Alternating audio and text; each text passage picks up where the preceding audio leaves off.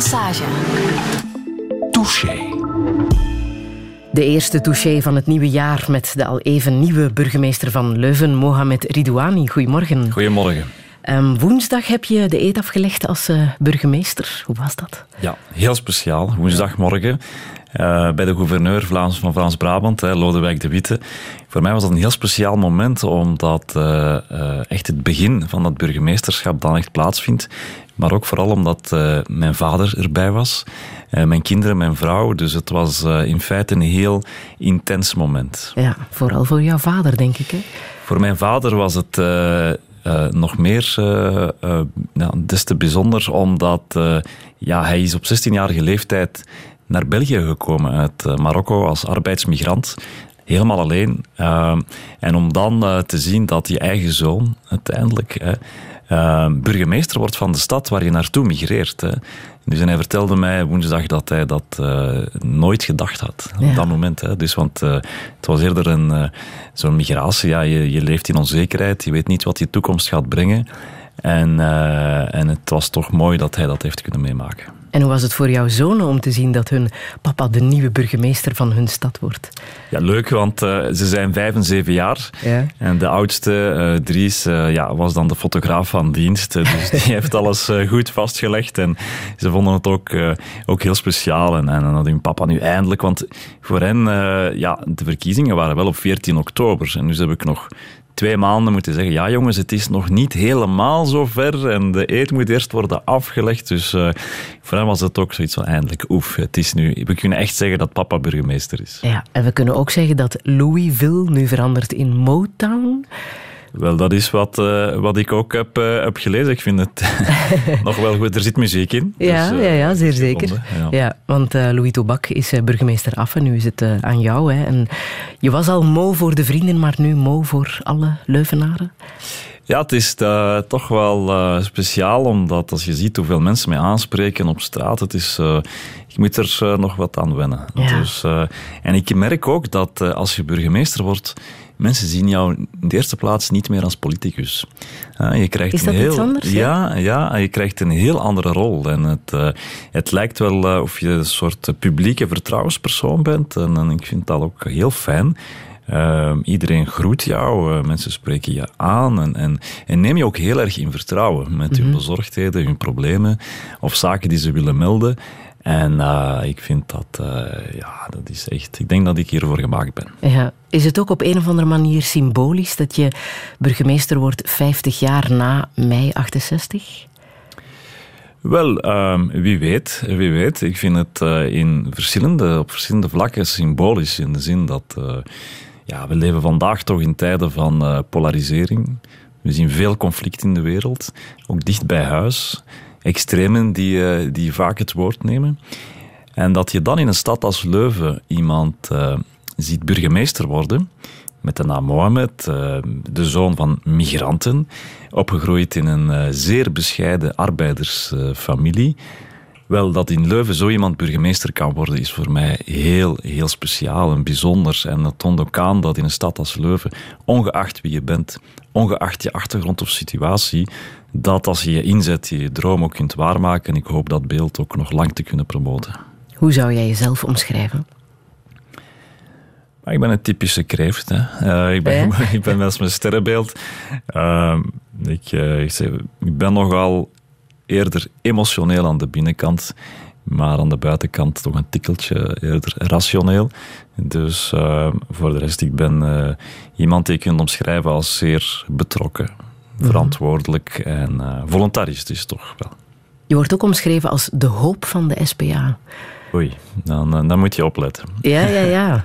Er, ja valt toch een, een, een, last op je schouders dan, denk ik. Hè? Als, ze, als ze in jou alle hoop zien van een partij in uh, toch wel behoorlijk wat moeilijkheden. Wat ik merk is inderdaad dat uh, helaas uh, Leuven een van de weinige uitzonderingen is waar wij nog een, een SPA-burgemeester hebben. -huh. Mhm. We hebben er gewoon geen meer in de centrumsteden. Waar wij, geloof ik, in 2007 nog acht van de, van de dertien centrumsteden hadden ik vind dat een, een, pijnlijke zaak, omdat ik ook geloof dat dat progressieve burgemeesters de steden goed besturen. Het is goed wonen vandaag in Vlaanderen, in de steden. Steden zijn erop vooruit gegaan. En mijn partij heeft daar een grote bijdrage toe geleverd. Maar vandaag zit, zit SPA in, een, in de hoek waar de klappen vallen. We krijgen de boodschap moeilijk overgedragen. En ik denk dat het tijd wordt dat we ons echt eens gaan bezinnen over de ziel van onze partij en de boodschap. En als het goed gegaan is in Leuven, ja, men vraagt mij dan, wat is nu, hè, welke gouden raad heb je voor ons? Hè? Wat, wat maakt dat het dan toch lukt? Ja, ik denk achteraf is het allemaal briljant als je wint natuurlijk. Hè. Ehm, maar in alle bescheidenheid geloof ik wel dat wij in Leuven ehm, een voldoende breed verhaal verteld hebben, dat mensen verbindt, waar uh, zowel zorgbehoevende als de bredere middenklasse zich vertegenwoordigd voelt door ons waar wij voldoende vernieuwd hebben, inhoudelijk, maar ook met mensen. De helft van mijn lijst was nieuw. Mensen die voor een eerste keer meegedaan hebben, van alle leeftijden, van alle gezinten. Um, en uh, wij hebben ook thema's naar voren geschoven die tijd zijn. Ook uh, rond bijvoorbeeld uh, hoe kan een stad mee bijdragen aan de strijd tegen klimaatopwarming? Hoe kan een stad ervoor zorgen dat iedereen mee is? Hoe kan een stad ervoor zorgen dat, dat iedereen kan genieten van de welvaart enzovoort? En ik geloof dat dat brede verhaal, gecombineerd ook met een heel uitgesproken uh, mening over de samenleving, hoe we uh, met verschil toch kunnen samenleven, zeker in de steden, uh, verbindend met andere woorden, met een samenhorigheidsgevoel en vrijheid van identiteit. blijkbaar stonden zeker de Leuvenaars daar heel erg voor open. Je klinkt al als een echte burgemeester. Mohamed Ridouani, welkom in Touché. Dank u wel. Radio 1. 1. Friedel Massage. Touché.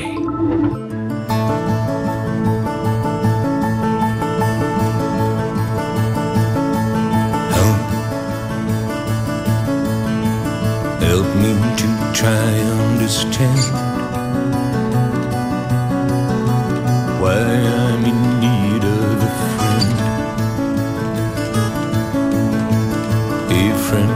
show me my truth, a friend to color my blue,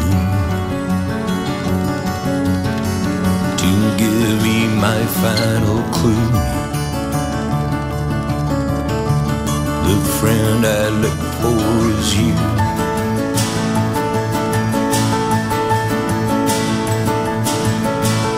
Ed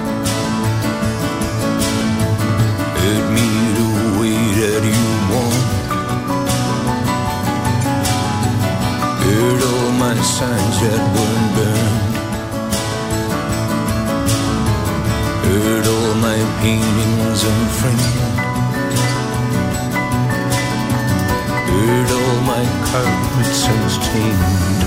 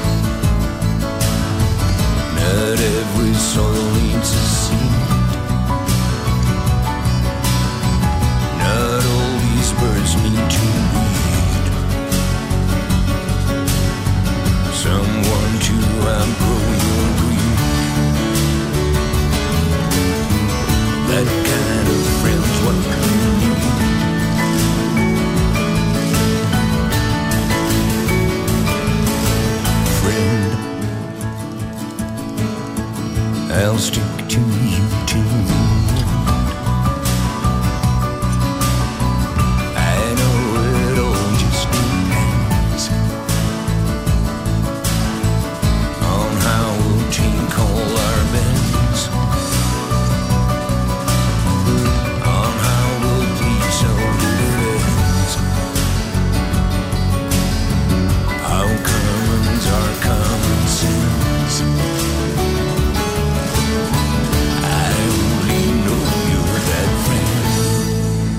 met eh, Friend. Mohamed Ridouani, hoeveel symboliek zit er in dit nummer voor jou? Ja, toch heel wat. Eh, Ik, om te beginnen vind ik dat eh, Daan over het algemeen mooie muziek maakt, die melodieus is en eh, mooi om naar te luisteren. Het is geen Leuvenaar, hè? Het is eh, helaas geen Leuvenaars, maar er zijn in Leuven ook, eh, ook goede zangers eh, die, eh, zoals Milo en eh, Stan van Samang, en Ja. Leuvenaars. Ja. Eh, maar in dit nummer eh, gaat het over vriendschap en eh, over verlies van vriendschap. En het zijn toch wel eh, mooie zaken om eh, even bij stil te staan. Ja, en een moeilijk eh, begrip, denk ik, binnen de politiek, hè? vriendschap. Binnen de politiek zeker, omdat ja, coalities wisselen, samenwerkingsverbanden wisselen. En je moet toch altijd opletten welke belangen er, er spelen. Het is niet onmogelijk, maar toch niet eh, evident. Ik probeer eh, vooral eh, goede relaties op te bouwen met de collega-politici. En ik hoop dat op basis daarvan dingen kunnen gerealiseerd worden. Maar vriendschap is geen evidentie. Ik wil even teruggaan naar die bewuste 14 oktober, toen de resultaten van de gemeenteraadsverkiezingen bekend raakten op die zondag. Dat ging nogal vlot in Leuven en toen sprak jij, dat wil ik even laten horen. Bedankt om hier aanwezig te zijn. Eh, ik kan u met trots aankondigen dat Leuven een nieuwe coalitie heeft. Namelijk eentje met de SPA, Groen en CD&V. En u wordt de volgende burgemeester, meneer Ridouan. Aangeven dat eh, dat gezegd zijnde ben ik eh, dankbaar. Dit is een van mijn mooiste momenten in mijn leven. Met meer dan 10.000 voorkeurstemmen heeft de Leuvenaar ook een duidelijke keuze gemaakt. En sta ik hier als een heel, heel trotse nieuwe burgemeester voor Leuven. Dank u wel. Nieuwe burgemeester voor eh, Leuven. Hoe heb jij die dag zelf beleefd? Ehm, in tegenstelling tot, eh, tot mijn vrouw was ik eigenlijk heel rustig. Ja? Ik ben heel rustig opgestaan. Eh, de dagen ervoor was ik, eh, was ik eh, toch wat zenuwachtiger. Maar het moment zelf, dus die zondag, eh, had ik echt het gevoel... It's out of my hands. Nu, nu kan ik er echt niets meer aan doen. En ik had ook een... eh, ja, het was duidelijk in mijn hoofd ook wat er moest gebeuren als de uitslag zou vallen zoals ik ze had gehoopt. Namelijk dat wij de grootste zouden blijven. En dat we op die manier een progressieve coalitie zouden kunnen maken. Ik heb mij in de weken daarvoor ook steeds uitgesproken over het, eh, mijn voorkeurscoalitie, namelijk die met eh, Groen en CD&V. Dus eh, ik was heel erg gefocust, vooral die dag. Ja. En het is ook heel snel gegaan allemaal, hè, want ineens was het dan namiddag, dan zag je de eerste resultaten binnenkomen, wordt er rondgebeld, dan probeer je toch te komen tot een akkoord. En ja, tot mijn groot genoegen is alles dan heel snel gegaan, ook zoals ik het zelf wilde. Ja. En, En, eh, horen dat je meer dan 10.000 voorkeurstemmen Ja, hebt gekregen. Hoe was dat? Daar was ik eerst niet mee bezig. Ik, Nee? werkelijk, ik keek naar de zetelverdeling, omdat natuurlijk je eh, probeert een meerderheid. En dus ik keek niet naar die voorkeurstemmen, die zijn trouwens ook maar later binnengekomen. Eh, het is maar op het moment dat ik ook een akkoord had, dat ineens mensen aan mijn mouw begonnen te trekken. Ja, maar hier is iets gebeurd. Je hebt ongelooflijk veel stemmen gehaald. En zelfs, eh, zelfs meer dan uh, Louis Tobak eh, tijdens de vorige verkiezingen. Ja. Dan is het bij mij beginnen doorcijpelen dat er daar toch iets speciaal gebeurd was die avond. Ja. Nu, de coalitie was inderdaad een, snel een feit. Hè? Dat zat al in jouw hoofd en dat zou zo gebeuren. Ja, dat, dat was werkelijk mijn streefdoel. Uh, omdat uh, het is ook zo, die campagne is ook uh, zo gelopen dat er toch een, laat ons zeggen, twee duidelijke verhalen waren. Eentje rond, rond mij en rond, rond de SPA, eentje rond de NVA, toch met een ander discours. En uh, ik heb ook echt op, op voorhand aangegeven dat ik heel duidelijk ben over de richting van de stad en dat dat een progressieve richting zou zijn en dat dat dan ja, zou moeten gebeuren met partijen die het nauwst aansluiten inhoudelijk bij mijn verhaal, en dat is uh, Groen en CD&V in Leuven. En dus uh, ik heb die partijen en de mensen die daar de leiding hebben ook uh, meteen gecontacteerd en we zijn gelukkig vrij snel tot een akkoord gekomen, omdat ook het resultaat viel ook wel echt in die trend. En, en, ik was wel heel blij dat we de eerste centrumstad waren, denk ik, die, die, die een akkoord had, die avond al. En dus dat was toch mooi. Jouw grootste concurrent was uh, jouw tegenstrever bij NVA, Lorin Parijs. Um, naar de aanloop van de gemeenteraadsverkiezingen zei hij: het was kiezen of het is kiezen tussen een Marokkaan en een homo. Wat vond jij zelf van die uitspraak? Hij heeft dat gedaan in het kader van een uh, ludieke reportage van Radio 2. Dus je moet dat ook in die context bekijken.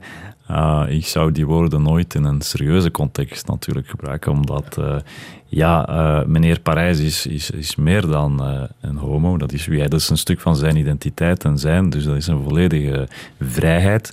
En uh, de Marokkaan in mij is gewoon mijn achtergrond, maar bepaalt niet mijn, mijn laten en doen. Maar in die context was het wel best geestig. En hoe goed kennen jullie elkaar? Wij kennen elkaar al een uh, hele tijd. Um, uh, ik geloof al sinds 2009.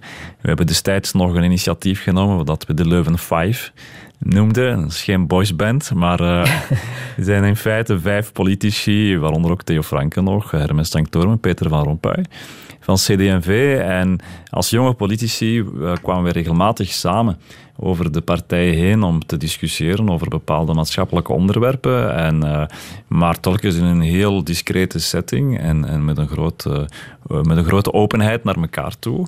En dat is dan wat verwaterd, maar uh, het is wel zo dat ze elkaar vrij goed kennen. Hij heeft jou gefeliciteerd, maar tegelijkertijd uh, heeft hij de coalitie ook meteen een bakfietscoalitie genoemd. De eerste kritiek is al aangekomen. Iedereen uh, heeft zo zijn eigen manier van uh, de zaken te benoemen. Ik vind dat, uh, dat we vandaag in de politiek veel en veel te scherp zijn voor elkaar. Dat er heel erg vaak in clichés wordt gesproken. ik vind ook dat daar in Leuven al bij al viel het mee, maar toch de toon die de NVA soms kan aanslaan is, heel scherp, kan heel kassant zijn. ik probeer me daar, daar niet te veel aan te zondigen. Uh, natuurlijk moet je ook stevig in je schoenen staan. Hè? Dus mensen verwachten een duidelijk verhaal. Maar ik kies in de eerste plaats uh, om een, uh, een, positief verhaal. Dat heb ik ook gedaan in Leuven. onze slogan was mee met Mo. -huh. voor Leuven voor morgen. En daar rond hebben we een heel, heel krachtig positief verhaal voor Leuven verteld. Heel verbindend. veel mensen aangesproken. Veel op straat. En ik denk dat dat dat dat de oorzaak van ons succes is geweest. En dat mensen effectief hebben gekozen voor iemand met een Marokkaanse achtergrond, betekent dat ook dat Vlaanderen daar klaar voor is? Of Vlaanderen daar klaar voor is, weet ik niet. Leuven blijkbaar wel. Ja. Uh, maar ik ben wel door massaal veel mensen aangesproken geweest in de weken nadien, van over heel Vlaanderen en verder buiten, uh, die dat uh, bijzonder vinden, die dat hoopvol vinden. veel jongeren die zeggen dat ze daar een, een ja, inspiratie uithalen. Want ja, effectief, als, als iemand met mijn achtergrond en opgegroeid in een arbeidersgezin in zo'n prachtige stad als Leuven burgemeester kan worden, ja, dat is toch wel uh, een teken aan de wand. En uh, veel mensen hebben eraan getwijfeld. En uh, dus van ja, maar de SPA doet het toch niet goed en met die naam, dat is toch niet zo gemakkelijk en van Marokkaanse origine. Dus, maar dat is buiten de wil van de Leuvenaar omgerekend, blijkbaar. En nogmaals, dus ik, dat bevestigt nog eens mijn inborst van, ik ben iemand die, die voluntaristisch is en, en probeert optimistisch naar de toekomst te kijken. Dus uh, ik geloof dat als je je inzet en, en je doorzet, niet altijd even gemakkelijk natuurlijk, maar als je doorzet, dat je je dromen kunt waarmaken. En ik hoop dat, uh, dat door het feit dat iemand als ik burgemeester kan worden in Leuven, hopelijk uh, steekt dat op een positieve manier heel veel jongeren aan om ook hun eigen dromen na te jagen. Je had ook de steun van uh, Louis Tobak natuurlijk, hè, die jouw politieke vader is. Um, maar volgt nu ook een politieke vadermoord, denk je? Want je wilt het toch anders gaan doen dan Louis Tobak, hè? politieke vadermoord die had ik dan al langer moeten plegen. Hè? Dus, uh, want nu is het, uh, hij is burgemeester af, ik ben de nieuwe burgemeester, zoals we het allebei gedroomd hadden. Dus uh, ik werd eerder al door journalisten, journalisten aangesproken van ja, zou je niet sneller de fakkel overnemen, encore de route, dan kan, dat is dan buiten de verkiezingen om, maar dan kunnen de mensen jou leren kennen enzovoort. Dat hebben we niet gedaan, bewust, uh, omdat ik ook uh, mijn volheid van bevoegdheid wou binnenkomen als een verkozen politicus. En als het dan niet zou gelukt zijn, dan was het maar zo. Um, ja, dus Louis, uh, Louis is mijn politieke vader. En zoals dat dan gaat met uh, vaders, wij hebben heel veel gemeen, maar ook heel veel niet. Ik heb mijn eigen stijl, mijn eigen aanpak. Hij heeft mij ook nooit belemmerd om die te hebben. trouwens, het was ook zijn overtuiging dat de opvolger absoluut geen kopie mocht zijn van Tobak, want dat het dan niet zou lukken. En eerlijk gezegd ben ik ook wel trots dat, en blij dat het op deze manier is kunnen gaan, want Louis kan nu uh, afscheid nemen op een heel mooie manier. Want er staat een opvolger klaar. En dat is toch wel bijzonder.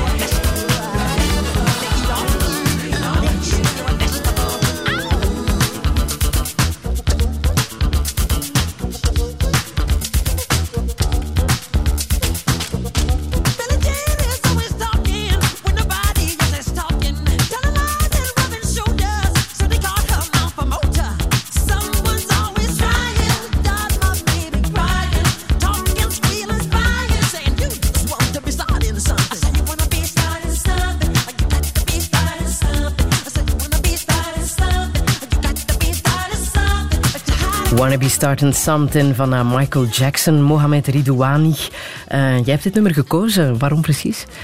Wel, uh, ik, uh, toen ik jong was, was ik een enorme fan van Michael Jackson. Ik, ik kon al zijn moves. Echt wat? De moonwalk. Ik kan het nog altijd.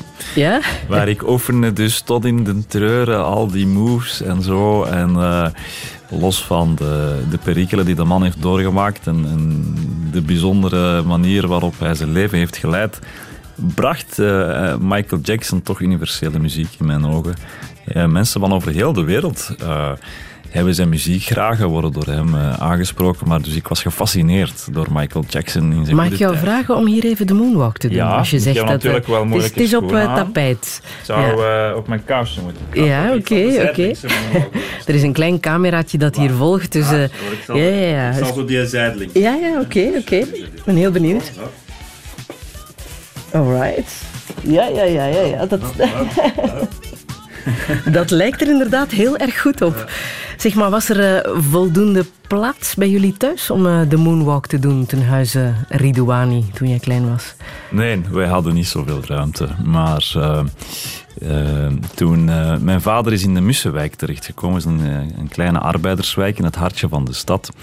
Uh, een wijk die bestond uit studenten, studentenkamers en uh, ofwel arbeidersgezinnen. En daar waren wij één van. Maar het, uh, het huis met, geloof ik, vier kamers. wel, we wonen daar met drie gezinnen en negen kinderen. Dus in toch wel zeer beperkte omstandigheden.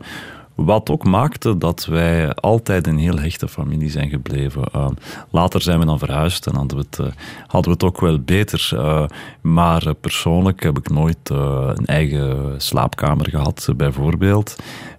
altijd met broers wel op de kamer geslapen, -huh. zelfs toen ik aan de universiteit studeerde dat heeft mij ook wel niet belemmerd, eh, moet ik zeggen. Dus dat heeft ook uh, geen trauma's achtergelaten of zo. Maar uh, ik, uh, ik, ik weet wel wat het betekent om, om in een bescheiden familie op te groeien. Mm -hmm. En wat het betekent om er toch voor te moeten knokken. Om vooruit te komen in het leven. Om te begrijpen waarom jouw familie in Leuven is terechtgekomen, moeten we terug naar jouw grootvader, dacht ik. Hè? Wat voor iemand was dat? Wel, ik heb persoonlijk mijn grootvader nooit uh, persoonlijk gekend. Uh, maar uh, dus in, in die tijd, na de Tweede Wereldoorlog, kreunde Marokko onder bijna de hongersnood. gezinnen, het waren grote gezinnen. die, die grootvader, de vaders hadden vaak ook verschillende vrouwen en veel kinderen. Maar op een bepaald moment zond men zelfs zijn kinderen uit naar Algerije, het zuiden van Marokko. En naar Europa op het moment dat landen zoals België en Nederland een akkoord sloten met Marokko en Turkije in 1964 om arbeiders naar hier te halen. Dus na de, de ramp van Marcinel uh, had uh, Italië het contract ook opgezegd met, met België. Dus na de, de mijnramp wou Italië geen arbeiders meer sturen. En dan is men gaan kijken naar Marokko en Italië. En dat was dan opportuniteit voor veel gezinnen om hun zonen uit te zenden naar Europa in de hoop dat er een beter leven van zou komen. Uh, en de optiek was tijdelijk. Hè. Dus ook mijn vader is, is naar hier gekomen op 16-jarige leeftijd. Met het idee, het zal tijdelijk zijn. En hij vertelt ook uh, vaak uh, hoe dat, dat dan ging. Hè. Dus voor de eerste keer je eigen dorp verlaten. Waar hij, hij is de middelste van zoveel kinderen, heeft ook altijd meegewerkt in het gezin. Nooit de kans gehad om school te lopen. Mijn vader is autodidact. Uh, komt hier toe op 16-jarige leeftijd. Heeft uh, in Marokko afscheid moeten nemen van zijn vader. Die hem, hij heeft hem nooit meer gezien achteraf, want de man is dan uh, kort nadien overleden, helaas. En ja, dan moet toch wel iets doen met iemand als je, je bent eigenlijk amper puber af. En je reist dan naar een land dat je niet kent. In een beschaving die je niet kent, met een taal die je niet machtig bent. En dan kom je in Leuven terecht en probeer je daar een leven op te bouwen. En dat heeft eh, mijn vader heel erg getekend. Uh, maar heeft ook ons als, eh, als gezin en mij persoonlijk ook wel, ja, heeft wel iets achtergelaten. En klopt het dat jouw grootvader aanvoerder was van een rebellengroep in het noorden van Marokko? Ja, dat klopt. Dus in Marokko werd door zowel Frankrijk als Spanje gekoloniseerd. En uh, het noorden, waar mijn familie vandaan komt, ja, daar had je dus de Spanjaarden. En uh, ja, destijds was daar toch een hevige ontvoogdingsstrijd. En uh, mijn grootvader was een van de rebellenleiders tegen de Spanjaarden, inderdaad. En is, Weet je wat hij precies heeft gedaan als rebellenleider? Ja, hij voerde dus een aantal van die... Ja, natuurlijk, dat, van een echt uh, rebellenleger kon je niet spreken. Hè, dus dat uh, waren boerenlegers eigenlijk. En hij voerde daar uh, een regiment van aan. En hij heeft verschillende keren strijd geleverd tegen de, de Spanjaarden, mijn grootvader. Had jouw vader um, de intentie om terug te gaan? want echt integreren, dat was hij niet echt van plan. Hè? Hij heeft ook niet meteen de Nederlandse taal geleerd. Hè? Wel is het drama van de, van de migratie die we in België hebben gehad en in Europa van de eerste generatie. Dus zowel de migranten als de ontvangende samenleving, België, gingen ervan uit dat het tijdelijk zou zijn. Tijdelijke arbeidskrachten. Maar ja, men kwam hier dan toe, men werkte hier, mijn vader is begonnen Uh, eerst bij Vlemings Mayonaise, maar dan vrij snel begonnen als polierder. Dus uh, je zit dan op zo'n veel nachtwerk. Hè. Dus hij maakte betonnen vloeren op zo'n helikopter. Tot aan zijn pensioen heeft hij dat gedaan. Heel zwaar werk. Um, maar ja, na enkele jaren begon men zich alleen te voelen. Men trouwde dan met uh, vrouwen uit Marokko, die daar eventjes verbleven, maar die zich daar dan weer eenzaam voelen. Dus ja, de overheid liet dan gezinshereniging toe. Uh, dus die echtgenoten kwamen ook over, daar kwamen kinderen van. En tot laat in de jaren negentig zelfs herinner ik mij dat die, en ik herinner mij levendig de beelden van uh, de Zwarte Zondag 1991 met het Vlaams Blok toen destijds nog, de bokshandschoen van Philippe de Winter, dus symbolisch. Ja, er werd nog altijd gesproken over een terugkeerbeleid. En het is pas midden jaren negentig, met de aanstelling van regeringscommissaris Paula Dont, dat men is beginnen spreken over een migrantenbeleid. Waar we zouden inzetten op taal, op inburgering en dat soort zaken. Dus je had in feite 30 jaar aan een stuk geen migratiebeleid in België waardoor mensen hier zijn toegekomen. Uh, die zijn hier ingezet geweest uh, in, de, in de zware arbeid over het algemeen, in de landbouw, in de mijnen, uh, in, in, in de bouwsector. dus België is meegebouwd op de schouders van migranten, zoals mijn vader. Maar het is wel een drama dat er niet geïnvesteerd is geweest in taal, in begeleiding van de kinderen. in de begeleiding van de echtgenoten die er zijn toegekomen, waardoor dat je veel kansen, uh, waardoor dat wij veel kansen gemist hebben als, als samenleving. En ik denk dat we daar vandaag nog altijd, uh, als je kijkt wat er gebeurt in Brussel, in sommige wijken van Antwerpen, dan dragen we daar vandaag nog altijd de littekens van. Jij hebt, uh, of je bent de oudste van, van zes. Heb je het gevoel dat jij ja, een beetje um, plaatsvervangende vader hebt moeten spelen voor jouw broers en zussen? Ik, ik ik vraag me af of ik geboren ben met uh, een groot verantwoordelijkheidsgevoel. Uh, zolang ik mij kan herinneren, heb ik een verantwoordelijkheids, heel sterk verantwoordelijkheidsgevoel gehad. Maar het klopt dat doordat mijn vader uh, vaak s'nachts uh, moest werken, of lange dagen moest werken, ook vaak in het buitenland werven had, deed ik heel veel thuis. Um, en vanaf het moment dat ik kon lezen en schrijven, heb ik ook altijd alle administratie gedaan thuis. Omdat uh, door het feit dat mijn ouders niet de kans hebben gehad om school te lopen, ja, brieven zoals van de overheid, van de school. Ik heb al mijn broers en zussen en nichten en neven ingeschreven op school. Mm -hmm. Ik bracht ze ook naar school. Dus... Uh, en, en ik denk dat dat ook een stuk gemaakt heeft uh, wie ik ben vandaag. Wat is er van jouw broers en zussen geworden? Wij zijn een gezin van zes kinderen. Ik ben de oudste. Uh, er zit een grote kloof tussen de oudste en de jongste. Ik heb nog een zusje van 20 jaar. Dus mijn ouders hebben zowat heel hun leven kinderen opgevoed. Uh, ik heb een zus die werkt uh, voor de KU Leuven in de staf van Letteren. Een andere broer is autoverkoper bij Volkswagen. Ik heb nog een broer die aan de kunstacademie studeert. En dan, dan mijn zus zit zit nog op de middelbare school, dus we zijn zowat uh, zeer uiteenlopende paden opgegaan. Een van jouw broers zit op dit moment ook in de gevangenis, dacht ik, hè? in de hulpgevangenis in uh, Leuven. Wel, hij zit er uh, niet meer. Hij heeft er wel geteld één dag gezeten, ehm, maar wordt op dit ogenblik thuis gehouden. dus, met een enkelband? Met een enkelband. Wat is er misgegaan? is, een, ja, is een pijnlijk verhaal. Uh, ik probeer daar niet te veel over te zeggen, omdat de man natuurlijk volwassen is. Hij is uh, ondertussen 37 jaar en dan moet hij eigen verantwoordelijkheid nemen. Uh, vijf van de zes bij ons thuis zijn zeer goed terechtgekomen. Dankzij de goede zorgen van onze ouders en, en de begeleiding gaandeweg.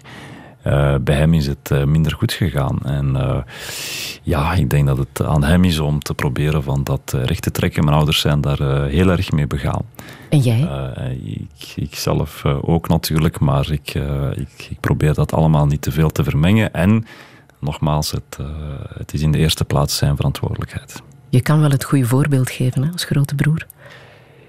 Ja, ik probeer dat ook te doen natuurlijk. Uh, maar in het leven kiest ieder zijn eigen uh, weg en uh, maakt ieder zijn eigen keuzes. En, en in welke mate zijn we daar dan weer verantwoordelijk voor? Mm.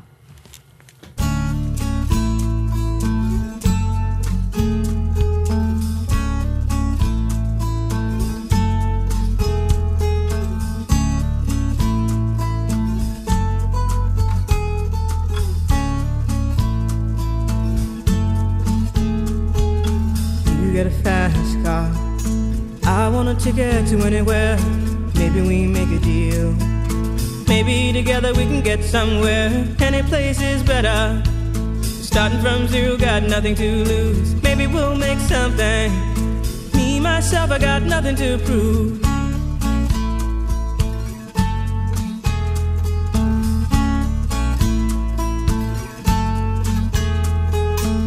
You got a fast car. I got a plan to get us out of here. Been working at the convenience store. Managed to save just a little bit of money. Won't have to drive too far. Just cross the border and into the city. You and I can both get jobs and finally see what it means to be living.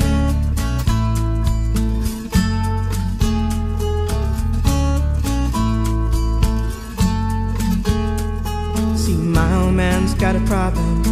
He but the bottle, that's the way it is. He says body's too old for working. His body's too young to look like his. My mama went off and left him. She wanted more from life than he could give. I said somebody's got to take care of him. So I quit school, and that's what I did.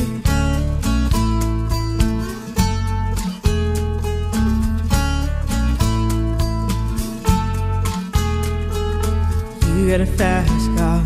Is it fast enough so we can fly away? We gotta make a decision. Leave tonight or live and die this way.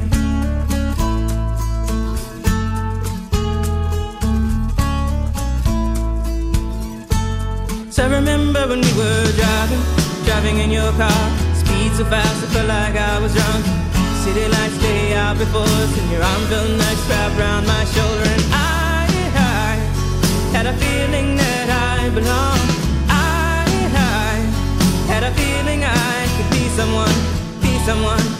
someone.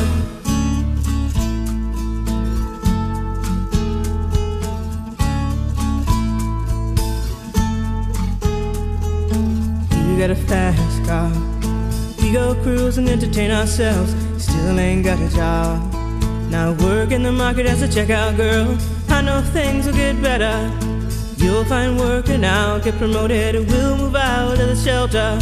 Buy a bigger house and live in the suburbs.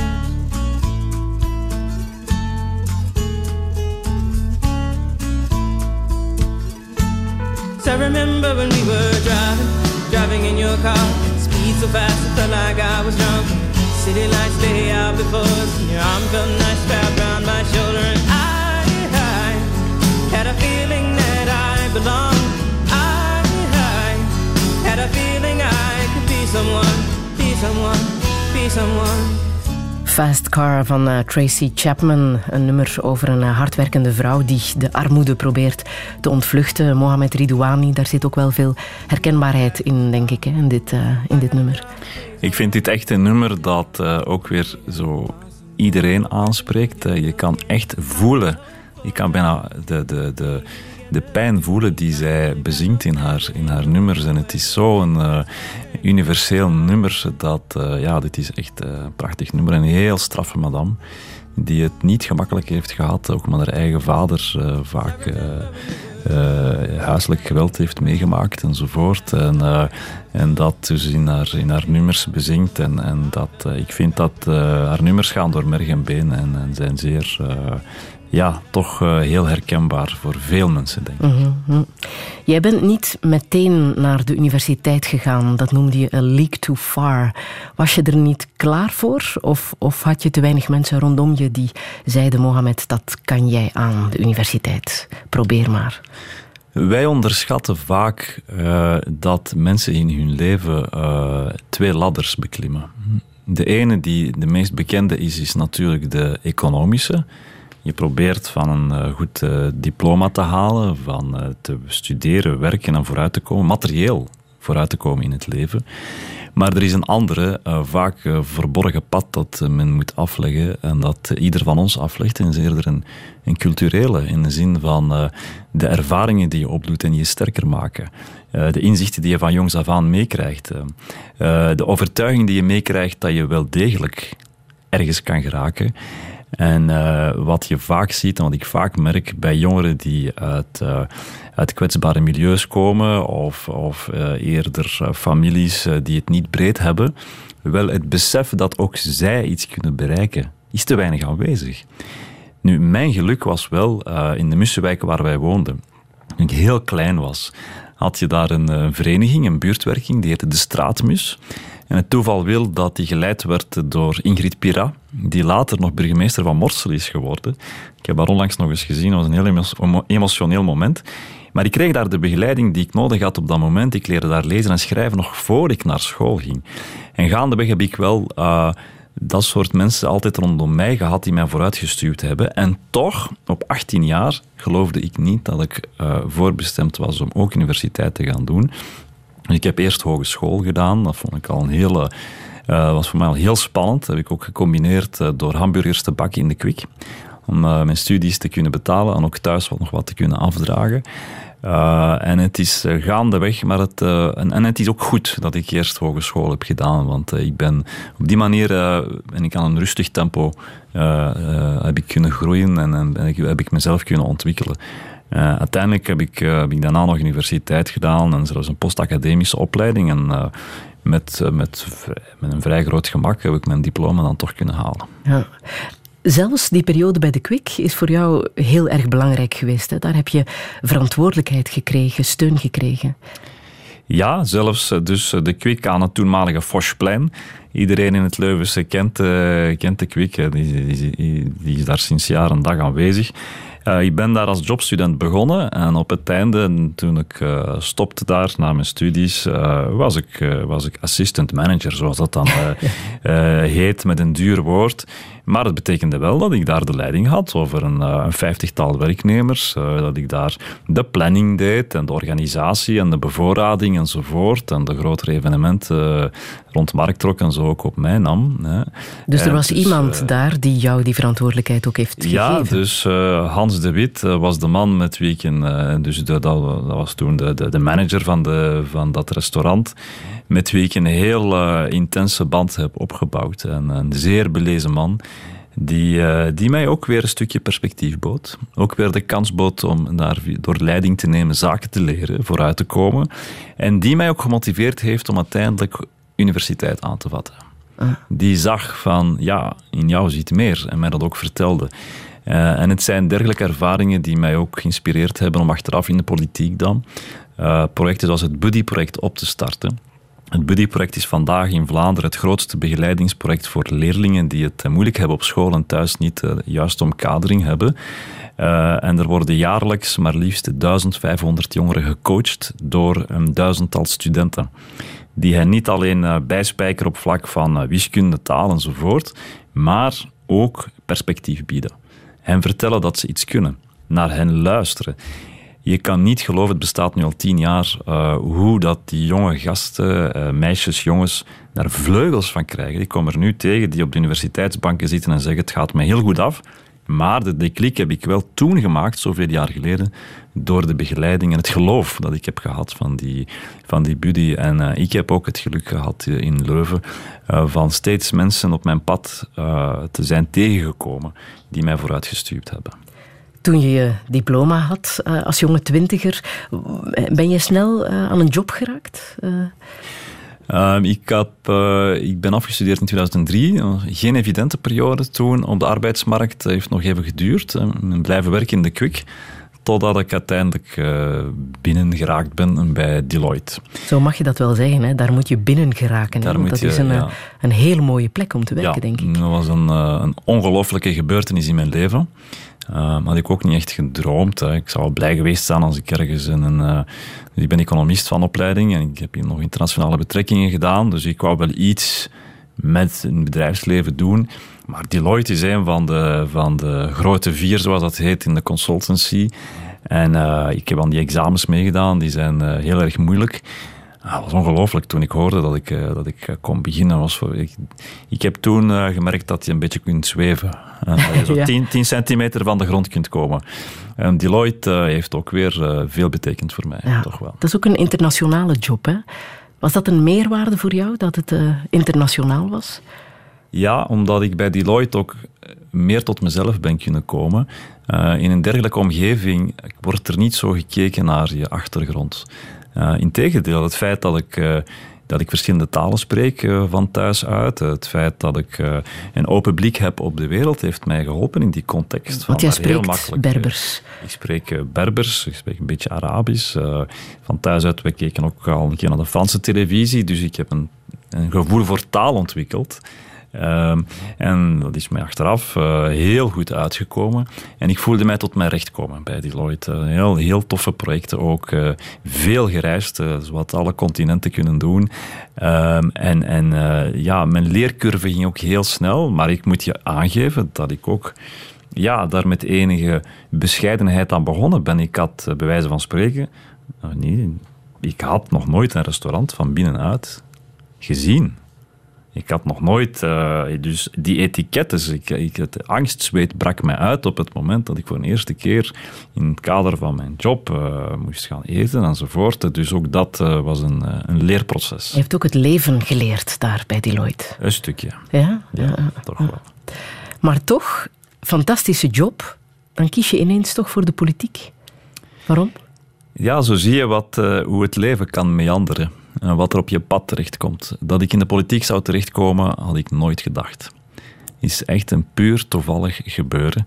Omdat uh, naast mijn job bij Deloitte had ik met een aantal vrienden uh, een organisatie opgericht die eigenlijk de voorloper is van het Buddy-project. Wij hielpen jongeren met hun huiswerk en we motiveerden hen op heel kleine schaal. Maar op die manier ben ik uh, op de radar terechtgekomen van de politiek en hebben ze mij in 2006 gevraagd om op de lijst te komen staan voor de gemeenteraadsverkiezingen. Wat ik onmiddellijk van de hand heb gewezen. Dus ik, voel, ik zag mezelf helemaal niet op een lijst staan. Mijn foto's gaan uitdelen op de markt en zo. Dus ik dacht bij mezelf, uh, dit, uh, dit kan ik, uh, dit is niets voor mij. Maar ik voelde het kriebelen. en door erover na te denken, dacht ik, tja, misschien als ik iets wil veranderen, ja, dan moet ik eens proberen. Ik ben dan ook op die lijst gaan staan, en, uh, maar puur vanuit optiek, tja, in het ergste geval tussen aanhalingstekens word ik gemeenteraadslid, dat kan ik combineren met mijn job en kan ik ook iets doen voor het onderwijs. Uh, maar de uitslag was heel goed en toen vroeg Louis Tobak mij om schepen te worden. Heb je daarover getwijfeld op ja, dat moment? Ik heb dat ook geweigerd. Dus, uh, en, en ja, je moet dat ook bekijken vanuit de ogen van mijn ouders, die inderdaad als migranten hier zijn toegekomen, een leven hebben kunnen opbouwen en die zien hun, uh, hun oudste zoon uiteindelijk afstuderen. En uh, hij heeft op dat ogenblik een job waar hij met maatpak mag rondlopen. Dus in feite was dat toch ideaal. Wat zou je zo een, een, een omgeving, een situatie verlaten voor zoiets onzeker als politiek? Dus, uh, en voor mij voelde dat ook zo aan. Dat, want ja, het, het, schepen in Leuven is een, is een voltijds mandaat, dus ik zou ontslag moeten nemen. Uh, maar ook daar weer uh, veel, uh, veel gesprekken gehad. En uiteindelijk, ik herinner mij een gesprek met Louis Tobak, waarbij ik die twijfel ook geuit heb.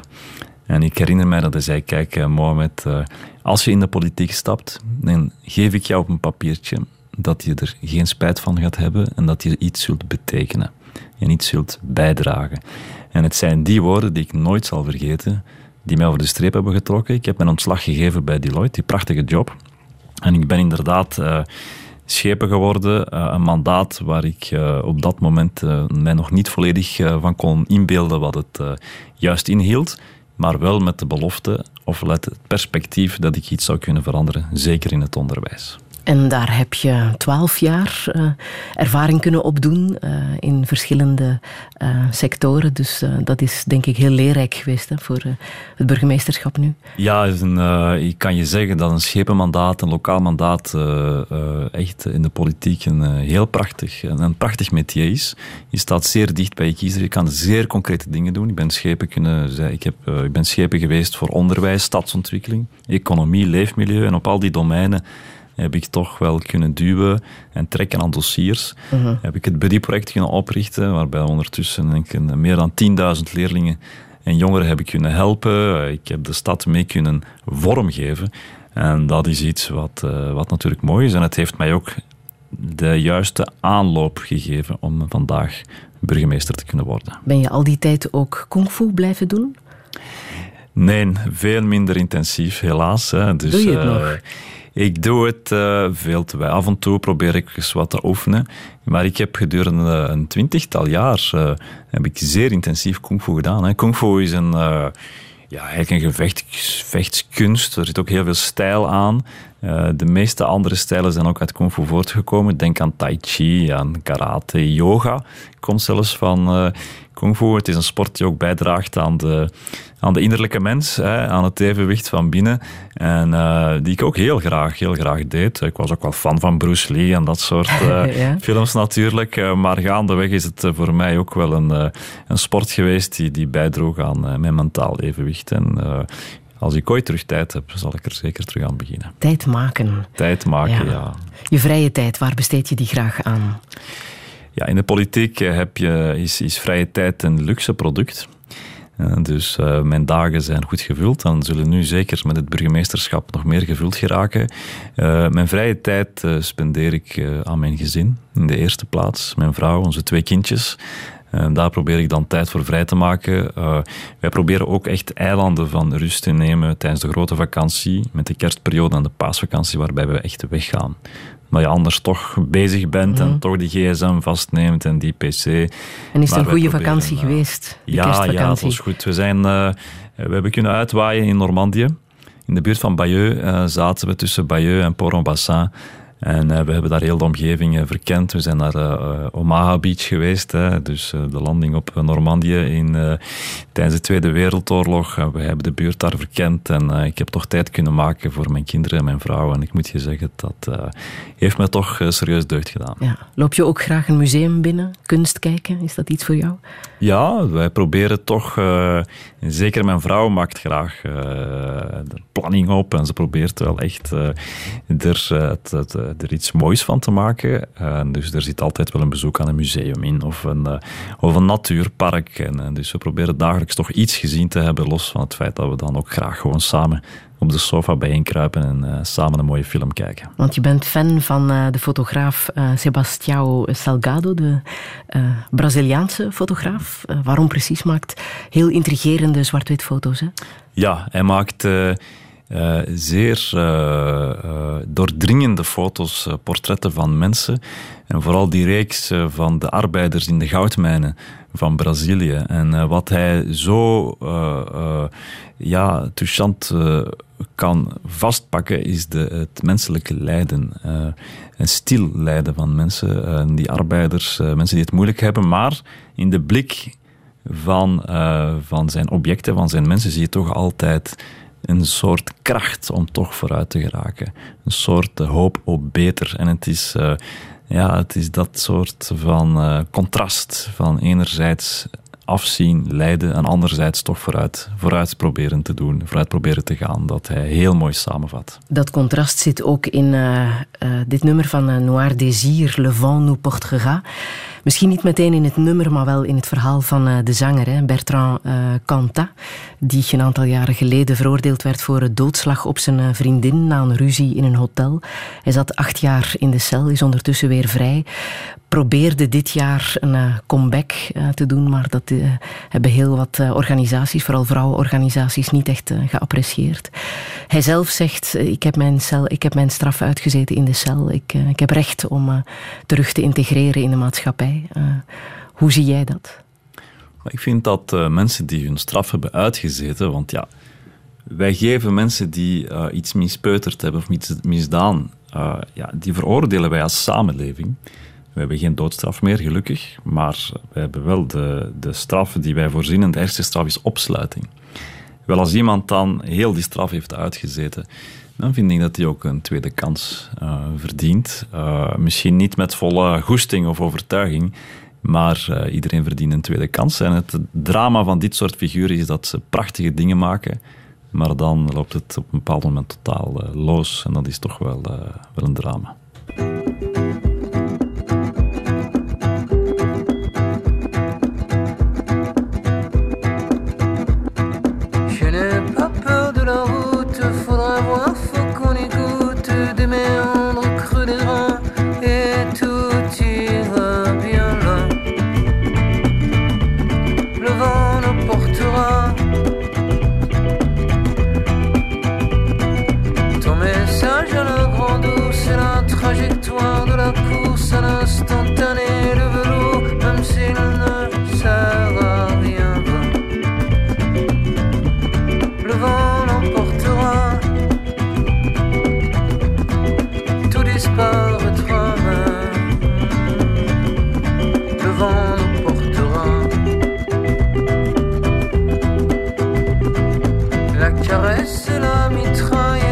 Noir Désir en Le Vent nous portera, eh, gekozen door de burgemeester van Leuven, Mohamed Ridouani. Zometeen praat ik verder na het nieuws van 12 uur. Radio 1. Friedel Lassage. Touché. Touché met kerstvers burgemeester Mohamed Ridouani, Mo voor de vrienden. Dankzij de meer dan 10.000 voorkeurstemmen zal hij proberen zijn voorganger Louis Toubak te doen vergeten. Het was in de studentenstad dat hij zelf alle kansen kreeg. Met dank aan de manager van de Kwik, die zag dat hij talent had om universiteit te doen en hem een verantwoordelijke functie gaf. Hij vond een prachtjob bij Deloitte, maar na vier jaar ruilde hij de zekerheid van een mooi leven voor de onzekerheid van de politiek. Zijn ploeg is ondertussen geïnstalleerd. Het zijn jonge mensen en de gemeenteraad laat hij voorzitten door iemand met een fysieke beperking. Is dit de nieuwe gemeentelijke cultuur? Is de toekomst aan de steden? En hoe moet het verder? Dit is Touché met Mohamed Ridouani. Een goede middag.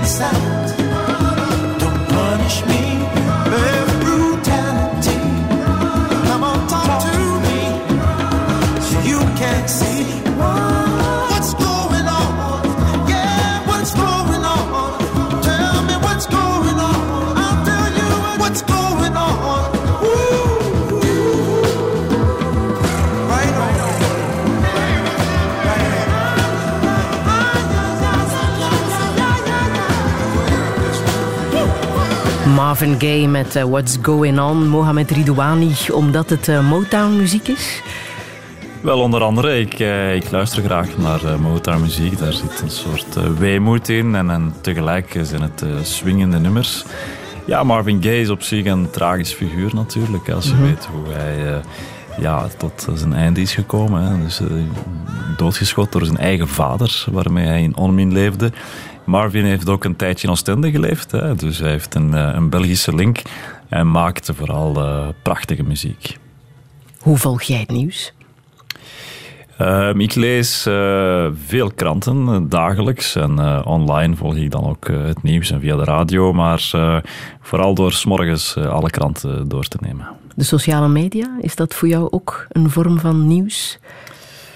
Nee, dus ehm, ik gebruik de sociale media zelf om eh, mijn eigen ideeën en, en, eh, en, en werk bekend te maken. Maar ik zit amper zelf eh, te snuisteren op Ja. sociale media. Ik loop er alles door, maar eh, ik, eh, ik probeer niet te veel tijd te verliezen door eh de tijd op de wal van Facebook te zitten of die van Twitter. Er zijn mensen die dat wel doen, hè? Daar heel veel tijd mee verliezen, zoals jij het omschrijft. Is dat een eh, goede of een slechte evolutie? Al die sociale media die ons proberen eh, voor zich te winnen. De sociale media hebben hun, eh, hun voordeel, want vandaag, eh, ja, de media verbinden heel veel mensen over heel de wereld. Nieuws verspreidt zich zeer snel. En, dus, en ook mooie gebeurtenissen kunnen snel verspreid worden. Maar eh, trouwens eh, ook eh, WhatsApp en zo. We hebben met de familie bijvoorbeeld een WhatsApp-groep. En ik kan met mijn eigen moeder nu regelmatig berichtjes Ja. uitsturen en uitwisselen. Dus dat is allemaal heel mooi. Maar anderzijds hebben sociale media ook geleid tot een soort gejaagdheid in, de, in de nieuwsvergaring. Ik zie dat de klassieke pers eh, heel eh, opgejaagd wordt door eh, de sociale media. Want zij moeten kunnen volgen met eh, ja, het brengen van eh, nieuws op televisie, radio en, eh, en kranten. En, en soms blijft er te weinig tijd over eh, om eh, bronnen te checken, om de zaken kritisch te bekijken. Nepnieuws wordt ook eh, heel makkelijk verspreid via sociale media. Daar maak ik mij ook zorgen over. En wat je ziet is dat eh, een, een medium zoals Facebook sluit je eigenlijk op in een soort bulp. Eh, want je ziet vooral eh, nieuws of eh, feiten van, uit je eigen omgeving. En dus je krijgt altijd die eigen grote gelijk, met andere woorden. En als je ziet dat bijvoorbeeld iemand nu, om een, groot, om een belangrijk figuur te nemen zoals, zoals Trump, Trump spreekt altijd voor zijn eigen publiek. Uh, uh, en mensen die ook opgesloten zitten in dat eigen grote gelijk. En heel de tijd via de sociale media het eigen grote gelijk voorgeschoteld krijgen. Dus uh, op een bizarre manier zien we vandaag een enorme toegang tot informatie. Maar ook een beperking in kritisch denken. Doordat we steeds naar dezelfde lamp lijken te kijken. Die vooral ons vertelt wat we graag willen horen. Het gevaar van populisme, daar wil jij ook voor waarschuwen. Hè? was ook uh, een uh, quote in uh, de eindejaarsconferentie van Michael van Peel. Ik weet niet of je die hebt gevolgd, maar ook hij zei: populisme lijkt de manier om verkiezingen te winnen. Heeft hij gelijk? Op zich is er niets mis met populisme in de nobele zin van het woord, namelijk dat je een breed publiek probeert aan te spreken met je boodschap en de mensen probeert te winnen voor je boodschap. Maar op het moment dat die boodschap gevoed wordt door uh, haatboodschappen, door uh, een verdelend discours, door nepnieuws en nepinformatie, zoals we die op grote schaal gezien hebben in de campagne van de presidentsverkiezingen in de VS, zoals we ze ook zien vandaag in Europa en ook lokaal. Ja, dit maakt mij wel heel erg bezorgd, omdat uh, ik weet dat wanneer mensen en gemeenschappen zich opsluiten in eigen grote gelijk, dan beginnen de vooroordelen te groeien. En ze groeien en ze groeien totdat er inderdaad iemand opstaat en die vooroordelen ten opzichte van anderen ombuigt in een haatdiscours. En dat hebben we, uh, die les zouden we moeten geleerd hebben tijdens de Tweede Wereldoorlog, wat dat kan betekenen. En ik hoop dat we die les niet nog eens moeten ondergaan in de toekomst. Uh, dus uh, ik hoop met vele andere politici en maatschappelijke leiders deel te kunnen uitmaken van een tegenbeweging. Waarbij we net, hoe moeilijk ook, hè, want het is makkelijker van. Voor, voor dat soort populisme volg je gewoon je, je buik. Hè, want iedereen heeft in zich met de eros en thanatos. Hè, liefde en strijd. Hè, we willen ons afzetten, maar we willen ook tot een groep behoren. Dus het is gemakkelijk om dat soort gevoelens te manipuleren en mensen tegen elkaar op te zetten. Maar ik geloof ook dat ieder van ons ook in zich een samenhorigheid, een, een drang naar samenhorigheidsgevoel in zich draagt, een solidariteit. En ik hoop dat we daar ook veel meer op kunnen inzetten, omdat dit echt nodig is. Wie zijn jouw voorbeelden als het gaat over een tegenbeweging? Wel, gelukkig zie je hem inderdaad buiten eh, figuren zoals Trump en Orbán in Hongarije of Kaczynski in, uh, in uh, Polen en anderen dichter bij huis. Zie je ook nieuwe figuren opstaan, zoals Alexandria Cortez of iemand die in, in Texas, dus een zeer rode republikeinse staat, hè, daar werd Ted Cruz als republikein bijna ontroond door O'Rourke, zoals hij heet, Beto in de volksmond. mensen die zich zeer progressief noemen, hopelijk uitkomen voor hun linkse gedachtegoed en, en vooral een zeer verbindend discours brengen. En dit uh, is hoopvol. Hè. Het zijn mensen die, die duiden op uh, het belang van samenhorigheid, van zorgen voor elkaar en, en vrijheid van identiteit. En dit lijkt toch een snaar te raken, zelfs in een redelijk conservatief land zoals de Verenigde Staten van Amerika. Dus ik ben toch hoopvol. Alexandria Cortés, die je ook noemde, is eh, ondertussen de jongste uh, die ooit heeft gezeteld in het uh, Huis van Afgevaardigden voor de Democraten. Ik wil even haar uh, overwinningsspeech van november laten horen. Words cannot express my gratitude to every organizer, every small dollar donor, every working parent and dreamer who helped make this movement happen. And that's exactly what this is not a campaign or an election day, but a movement, a larger movement for social, economic, and racial justice in the United States of America. Touché. Mohamed Ridouani, wat spreekt jou aan in wat zij hier zegt? Ja, zij is een straffe madame. Hè. Dus uh, nog heel jong. Ik denk amper 29, uh, ja, 29 ja, jaar. En uh, wat haar anders maakt, is dat zij dus... Zij heeft daar, om te beginnen, die voorverkiezingen gewonnen in New York. Hè, waarbij dat ze binnen de Democraten eigenlijk de nominatie heeft binnengehaald. En dan is zij nu ook nog eens congreslid geworden. Maar zij is in feite van afkomst een heel eenvoudig iemand, opgegroeid in de Bronx. En dit heeft zij ook verwerkt in haar discours, waarbij ze zegt, kijk, ik adem dezelfde lucht in en uit, zoals de mensen in de Bronx, in New York. Ik leef in dezelfde omstandigheden. Zij heeft haar moeder vrij jong ook uh, verloren aan een ernstige ziekte. Dus zij is ook getekend door dat, uh, door dat pad dat zij heeft afgelegd. En zij verwerkt dat in een krachtig politiek discours, waarbij ze pleit uh, voor samenhorigheid, waarbij ze pleit voor gelijke rechten, waarbij ze pleit uh, om te zorgen voor elkaar, waarbij ze pleit om, om tolerantie te prediken onder alle gezinten en overtuigingen. En dit slaat geweldig aan, merk ik. En dit, dit, dit, maakt me ook echt wel hoopvol. Ik kijk dus optimistisch naar de toekomst. Als dit soort figuren kan opstaan in landen waar Trump de plak zwaait, dan denk ik dat, het, uh, dat er mogelijkheden zijn om, uh, om een andere richting uit te gaan. Haar tegenstanders hebben afgelopen week een oude dansvideo gelekt om haar te beschadigen. Maar de beschadiging is niet echt aangekomen. Hè? Dat nieuws ook gevolgd? Ja, dus die boemerang is, is zwaar teruggekeerd in het gezicht van die uh, ja, sociale mediatrollen eigenlijk, die dat uh, ja. eigenlijk een vrij onschuldige video waarbij je een zeer jonge Cortés ziet dansen op uh, een dak ergens op een gebouw van de Universiteit van Boston. Doet ze trouwens heel erg goed. Ja, ze doet dat goed. goed hè? Een heel, uh, heel leuke video. En, uh, maar ze heeft dat meteen omgeturnd door zelf nog een video op te nemen waar dat zij in het congres, in de gangen van het congres geloof ik, een nieuwe dansvideo heeft opgenomen. En zegt van kijk, ik ben een vrouw, ik ben congreslid en ik heb het recht om ook mij te kunnen uitleven. En als sommigen daar tegen zijn, dan is dit mijn boodschap. En dat, dat slaat in als een, als een bom, hè. dus zij wordt er alleen maar populairder door. Je hebt hier ook net de moonwalk gedaan in de studio. Hè? Ja. Als we daar een filmpje van maken en dat even op sociale media zetten, we zullen je laten weten wat ja, de laat mij toch maar eerst eens weten. Ja, ja, ja. Is goed. Maar is de politiek wereldwijd aan, aan verjonging, aan vernieuwing toe, vind je? Um, ik, ik, ik, het gaat niet zozeer over verjonging, in mijn ogen. Het gaat wel over een nieuwe politieke cultuur.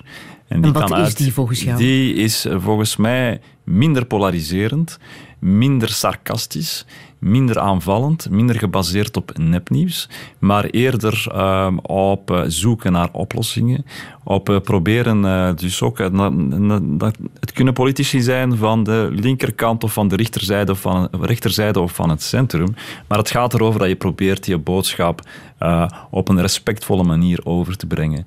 Dat je probeert mensen aan te spreken op hun situatie. Dat je mensen probeert aan te spreken door persoonlijke verhalen met een overtuiging. En uh, ik denk dat dat een nieuwe politieke cultuur is. En dat indien je verantwoordelijkheid opneemt in een regering, in een bestuur, dat je bereid moet zijn om je de eigen partijlijnen te overstijgen. Niet altijd makkelijk, iedereen heeft een eigen achterban, maar je probeert de eigen partijlijn een stukje te overstijgen om te komen tot oplossingen in het belang van een land, een stad, een regio. En ik hoop dat meer en meer politici van, die, van dat soort aanpak kunnen opstaan. Ik, ik hoop daar zelf toe te mogen behoren. Uh, die op die manier te werk gaan. En dan hoop ik dat, uh, dat de wereld er een stukje beter aan toe zal zijn. Mensen zijn niet het probleem, maar de oplossing, zeg jij. Je wil heel erg inzetten op uh, burgerparticipatie. Hoe, hoe zie jij dat, die burgerparticipatie in Leuven? Leuven is een stad uh, met heel veel inwoners die graag meedenken, meewerken, initiatief nemen. Uh, als je ziet hoeveel wijkinitiatieven we hebben waarbij mensen uh, zelf budget aanvragen bij de stad om dan een nieuw parkje aan te leggen of, of een kleine buurtbibliotheek op te richten. Het zijn echt prachtige initiatieven. We proberen dat ook een stuk te ondersteunen. Dat is één. En ten tweede, ik heb in de voorbije jaren, ik ga dat nog versterken, proberen we complexe problemen samen aan te pakken. Denk bijvoorbeeld aan de klimaatopwarming. Leuven is een van de voorlopers met Leuven 2030, waarbij we tegen 2030 de CO2-uitstoot die we veroorzaken tot nul proberen te herleiden. Het is een heel groot project. Ondertussen hebben we uh, een nieuw circulatieplan ingevoerd. Uh, al was dat geen eenvoudige opdracht, hebben we geïnvesteerd in onze gebouwen, in meer groen.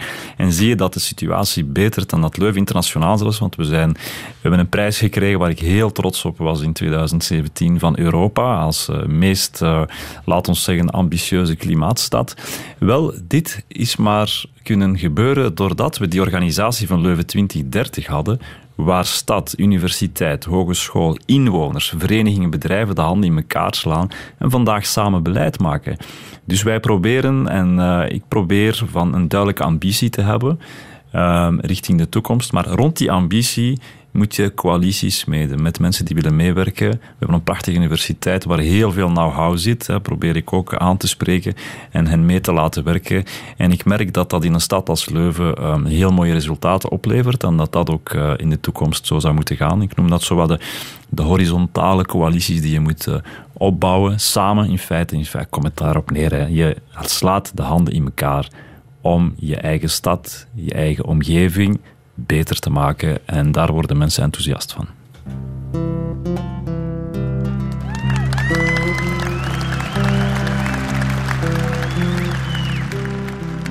Suzanne takes you down to her place near the river. You can hear the boats go by. You can spend the night beside her, and you know she's half crazy. That's why you wanna be there. And she feeds you tea and oranges that come all the way from China. And just when you mean to tell her you have no love to give her, she gets you on her wavelength. She lets the river answer. You've always been her lover.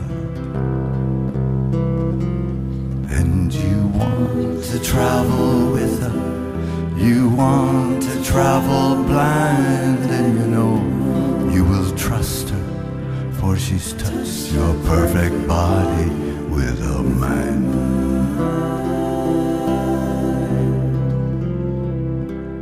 Now Suzanne takes your hand.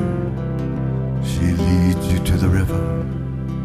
She is wearing rags and feathers from Salvation Army counters. The sun pours down like honey on Our Lady of the Harbor, and she shows you where to look amid the garbage and the flowers. There are heroes in the seaweed, children in the morning. They are leaning out for love. They will lean that way forever while Suzanne holds the mirror. And you want to travel with her. You want to travel blind, and you know that you will find her, for you've touched her perfect body with your mind.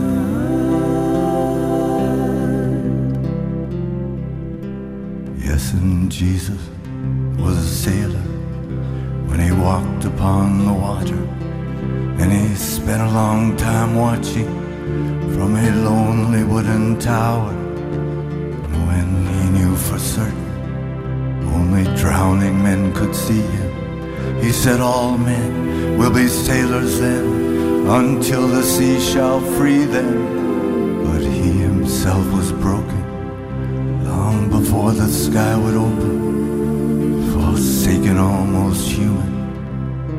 Sank beneath your wisdom like a stone. And you want to travel with him.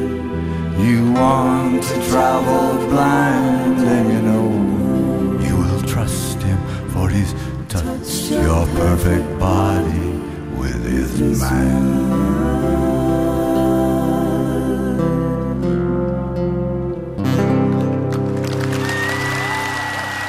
De live versie van eh, Suzanne van eh, Leonard Cohen. Een eh, prachtige versie opgenomen in eh, 2008 in Manchester. Mohamed Ridouani, hier word jij emotioneel van als je dit eh, terughoort. Ja, als ik de stem van... En dit is een prachtige versie inderdaad van Suzanne. Als ik de stem van Leonard Cohen hoor, ik word daar weemoedig van en emotioneel, geef ik Ja, toe. ja. Hij refereert ook naar eh, Jezus die over het water loopt. Eh, Het is een daar zeer- wees je zelf ook op, hè, van dit is een heel erg mooie, mooie zin in het lied. Ja, het is een zeer gelaagd nummer. Je wil Suzanne leren kennen, maar gaandeweg eh, verwijst hij plots naar, naar, naar Jezus en, en naar het leed dat Jezus moet dragen. En, en dus het, er zit veel eh, geheimzinnigheid in ook, een mysterie. Nou, het is tegelijk ook zo eh, hij is, is zo'n grote meneer, eh, een poëet en ook iemand die zijn eigen leed en met, eh, met, eh, met grote moed gedragen heeft tot op het einde. Hij is ook niet altijd goed bedeeld geweest door zijn managers enzovoort. En, maar ik heb mooi te live aan het werk gezien in Vorst, samen met mijn vrouw. Ja, prachtig. Hij komt dan zo op het einde vijf keer terug na het applaus en dan zo dankbaar. En ja, ja dat zijn, eh, zijn mensen waar ik wel respect voor heb. Ja. Waarin geloof jij? Ik geloof ehm, in een scheppende kracht. Ik geloof dat ieder van ons een betekenis heeft in het leven. Hoe groot of hoe klein ook. Ik denk dat we die betekenis vooral moeten zoeken in hetgeen dat we doen voor onszelf en voor anderen. In onze buurt, in de samenleving. Voor ons gezin, onze familie. Eh, in de trant van, eh, van Gramsci. eh, die, die ook aangeeft van... ook al iedereen... elk van ons maakt moeilijke momenten door in het leven. Door ziekte, door zaken die we meemaken persoonlijk. Maar ehm, door zin te zoeken in wat je dagelijks doet, in je werk, in wat je betekent voor je kinderen, je partner, je familie, ehm, wordt het leven ook zinvol. En eh, zo sta ik ook in het leven. Mhm. Wat zijn voor jou de moeilijke momenten geweest die jij al hebt eh, meegemaakt, die je echt ook zo hebt aangevoeld als, eh, als moeilijk in het leven? Wel, je hebt daarnet verwezen naar, naar mijn broer.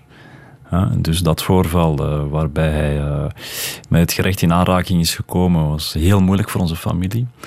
Maar we hebben ook al eh, ziekte meegemaakt, ernstige ziekte. En, eh, iemand in de familie met een, eh, een, een heel agressieve vorm van nierkanker, gelukkig overleefd.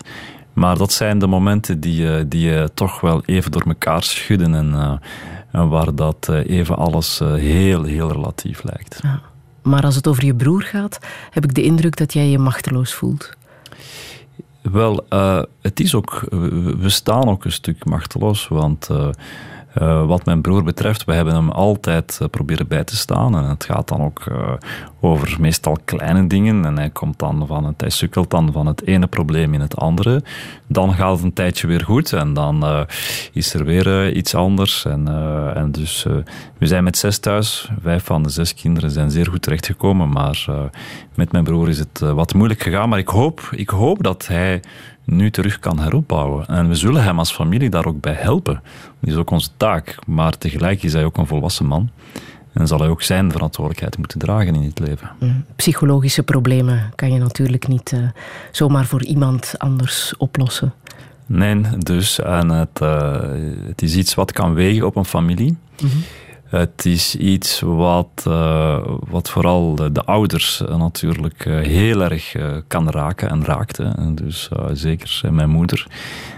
die, die ons altijd alle kansen heeft gegeven, ook mijn vader. Maar het zijn zaken die wegen aan waar je inderdaad machteloos tegenover staat. Maar we zijn familie. Mhm. Dus we zullen elkaar ook nooit laten vallen. Ja. Jouw moeder studeert terug of gaat in elk geval terug naar school. Mijn moeder was 17 jaar toen ik geboren werd. Ja. 17 jaar. En sindsdien heeft zij ook zes kinderen op de wereld gebracht. Maar de laatste jaren is zij eh, eh, terug beginnen studeren via open school. En daar ontmoet zij dus ook eh, nieuwe mensen. En zij voelt dat ze zichzelf kan ontwikkelen. Mijn moeder is in feite een heel ambitieuze vrouw. Maar geboren in het eh, verkeerde tijdsbestek, in de verkeerde omgeving volgens mij. Ik denk dat zij heel veel had kunnen bereiken in haar leven maar die kans niet heeft gehad. En, maar ik voel nu dat door het feit dat zij eh, haar Nederlandse taal kan versterken, met ICT, ik, ik zei dat net, dat we whatsappen met elkaar, heel regelmatig, ehm, ja, maakt toch wel dat, eh, dat zij ook weer die zingeving in het leven eh, kan vinden. En de- door het feit dat ze ook mee kan zorgen voor de kleinkinderen en, eh, en haar kinderen, maakt dat, eh, hoop ik, denk ik, geloof ik, dat zij zich vandaag beter voelt dan eh, jaren geleden. Je hebt het over zingeving in heel algemene termen. Hè? Je hebt je bewust nooit als moslim geprofileerd. Waarom niet? Wel, ik ben gelovig, maar eh, voor mij is dat een, eh, het is een zeer persoonlijke ervaring. Ehm, en, eh, en, en iets wat, eh, wat ik ook wel doe in humanistische zin. Dus omdat ik geloof dat eh, de meeste overtuigingen en religies hebben tot doel om te komen tot een betere ik. En, en om beter zorg te dragen voor onze omgeving, voor de planeet. En het is op die manier dat ik ook zelf heel persoonlijk, spiritueel troost haal uit, uit mijn geloof en kracht probeer te putten door af en toe toch eens stil te staan bij, bij mezelf. En eh, we zouden dat eh, wat meer mogen doen in deze samenleving. Ik voel dat eh, we staan onder enorme spanning eigenlijk. Heel veel mensen staan onder enorme spanning door de druk op hun werk, de druk van de samenleving, de druk om steeds dat mooie beeld op te hangen. Hè. Sociale media, het moet allemaal mooi zijn, happiness. Hè. Het moet altijd goed gaan, maar het gaat niet altijd goed in het leven. Dus ik, ik pleit er nogal voor dat we ruimte maken voor introspectie. En dat kan via religie, maar dat kan ook via filosofie, via een goed gesprek, via yoga of kung fu. Eh, zolang als we af en toe toch eens proberen tot onszelf te komen. Ja, want je wil eh, de religieuze gemeenschappen ook verbinden met elkaar. We weten te weinig over elkaars gebruiken, tradities, feesten. Je wil eh, mensen meer de deuren laten openzetten. Hoe heb jij bijvoorbeeld kerst gevierd? Hoe heb jij dat gedaan? Wel, ehm, mijn schoonfamilie is, eh, is autochtoon Vlaams. Hè. Mijn vrouw heet Geertrui. Ja. Dus eh Vlaamser kan het niet. Geertrui en Mohamed. Hè. Dus twee zeer traditionele namen. Ja. Eh, en we zijn langs geweest bij de schoonouders met, eh, met kerst. Een heel mooie periode, vind ik. Omdat je ook voelt dat mensen rustiger worden en, en meer zorg dragen voor elkaar. En je ziet allerlei warme initiatieven ontstaan. En dat is toch ook eh, heel mooi en, en zou moeten gekoesterd worden. Ja, vandaag is het ook drie koningen trouwens. Hè? Ja, eh, mijn zoon is op stap op dit ogenblik. Dus mijn wezen gewaarschuwd. Hij komt langs met drie koningen. Met Is de scouts van, Hij is aan het van. Is hij hij heeft gisteren hard gewerkt aan zijn kroon en zijn outfit. Dus eh, hij is nu op stap. En kijk, ik vind... Neem nu een stad als Leuven. Wij hebben 171 nationaliteiten. Onder andere door de aanwezigheid van onze prachtige universiteit. Alle gezinten en overtuigingen zijn aanwezig in het Leuvense. Ik probeer waar ik kan ruimte te maken, vrijheid te geven aan iedereen die in onze stad aanwezig is. Maar tegelijk vraag ik ook dat men zich engageert voor het geheel. Dat er een samenhorigheidsgevoel kan zijn over de eigen etniciteit en religie enzovoort. Omdat je vandaag, hè, we hadden het daarnet over polarisering en, en conflict, we moeten ervoor zorgen dat er meer, meer ontmoeting is, meer uitwisseling. En elk van die eh, culturen heeft wel iets moois in zich, maar ik merk vandaag dat we elkaar niet genoeg kennen. Er wordt te weinig eh, tijd vrijgemaakt en te weinig initiatief genomen opdat er bruggen worden gebouwd. Ik mag een cliché klinken, Maar in een, in een wereld die, eh, die vandaag toch een stukje uiteen lijkt te vallen, soms is het meer dan ooit belangrijk dat we initiatieven nemen waarbij mensen van verschillende culturen elkaar ontmoeten. We hebben bijvoorbeeld, omdat je het daarnet over, eh, over de kerst had, wel elk jaar tijdens eh, de kerstperiode nodigen we dus alle religies en ook degenen, dus de atheïstische verenigingen uit om samen te komen van gedachten te wisselen en samen eh, ja, een optocht te houden, samen te eten. Om op die manier eh, ja, toch wel eh, te promoten dat in een stad als Leuven, maar ook in andere steden, je over de verschillen heen kan kijken. En dat we allemaal mensen zijn die zoekende zijn en we allemaal mensen zijn die het beste voor hebben. Voor zichzelf en voor de eigen kinderen. We weten inderdaad veel te weinig wat er achter alle deuren en gevels schuil gaat. Dat bleek ook op een heel andere manier in het eh, verkiezingsprogramma van uh, Faradeh Aguirre. Iedereen kiest naar aanloop van de gemeenteraadsverkiezingen. Toen uh, het probleem van de huisjesmelkers in Leuven aan het licht kwam, daar klonk toen dit. Als er reining, hier water komen. Water binnen? Ja, ja, ja.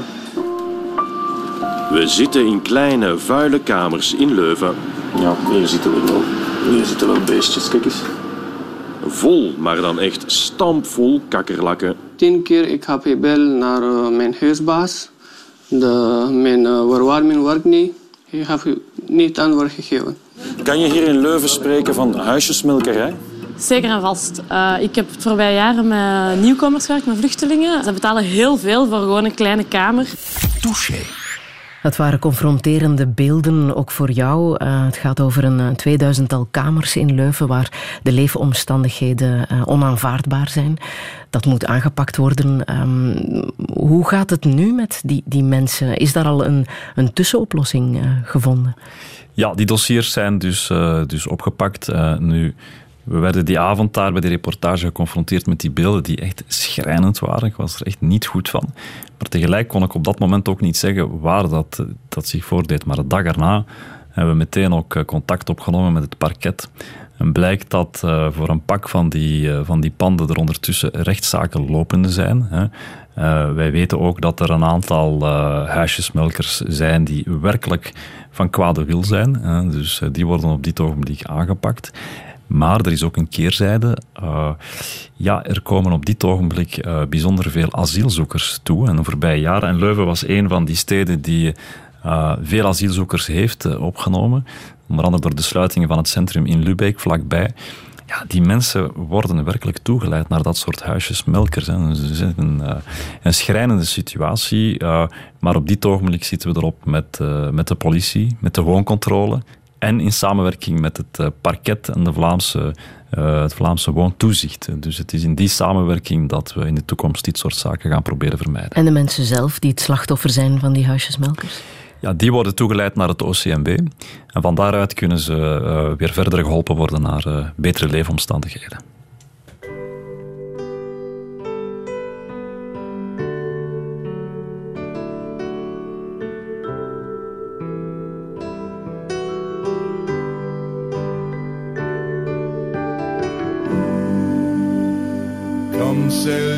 Ships around me and burn your bridges down. We make a little history, baby. Every time you come around. Come loose your dogs upon me and let your hair hang down. You are a little mystery to me. Every time you call around, we talk about it all night We define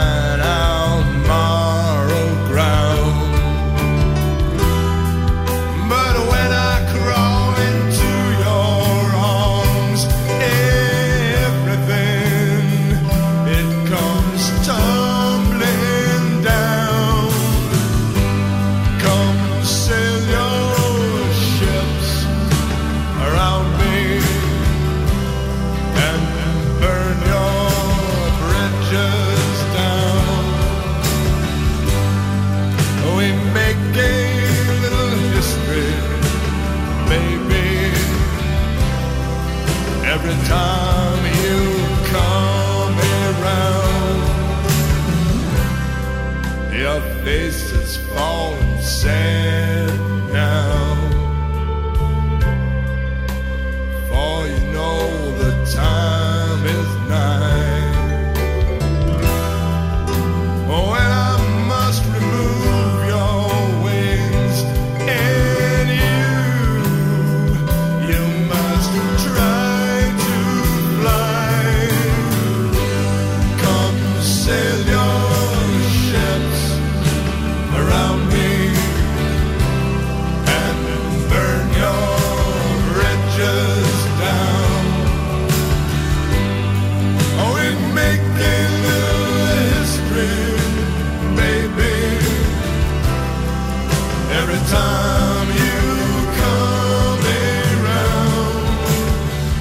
Ship Song van eh, Nick Cave, Mohamed Ridouani. Waarom wou je dit laten horen?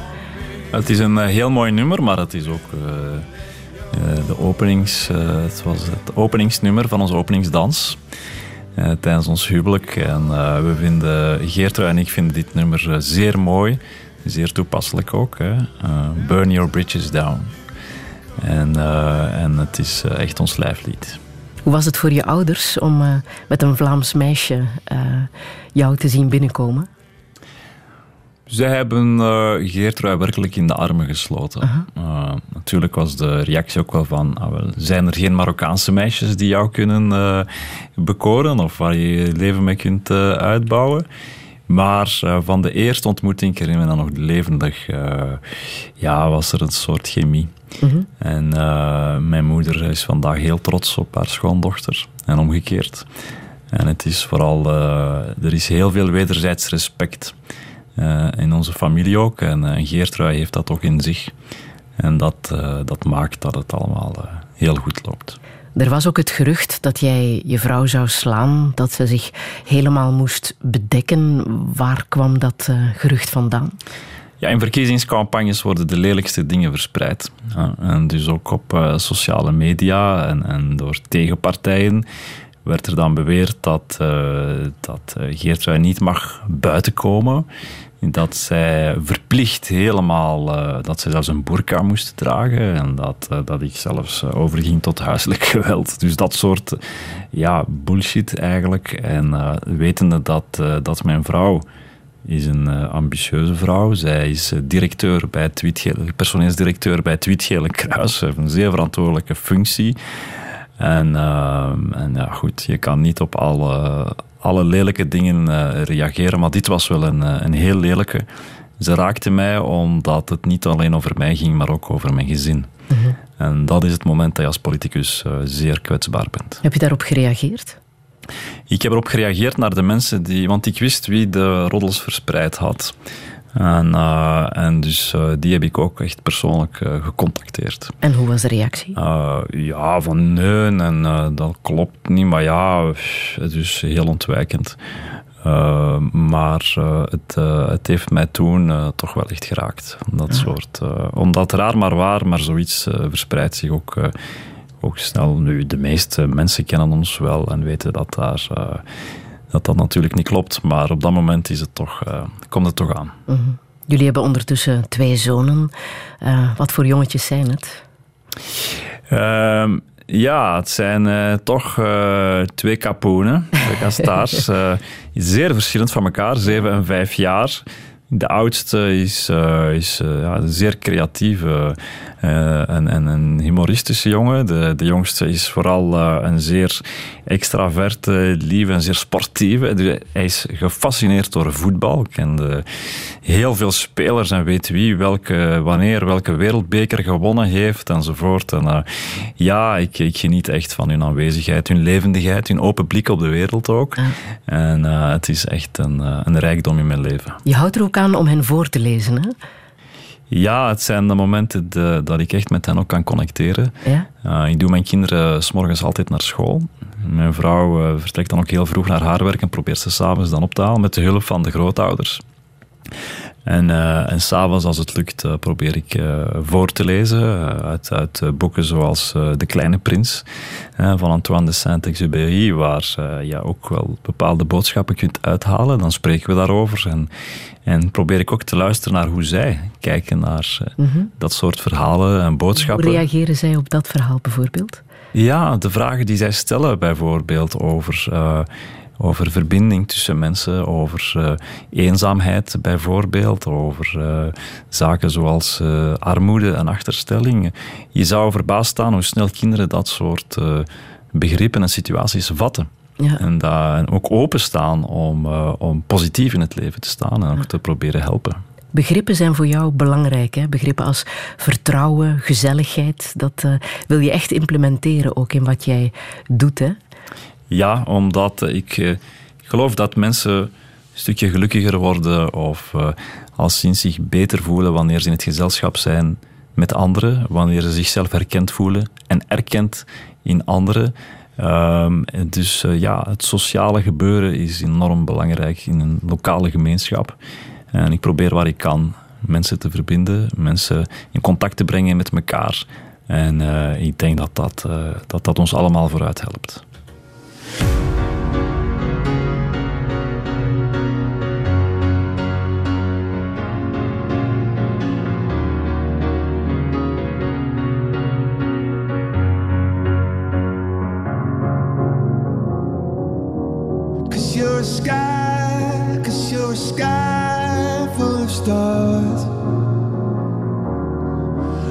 Gonna give you my heart. Cause you're a sky, cause you're a sky full of stars. Cause you light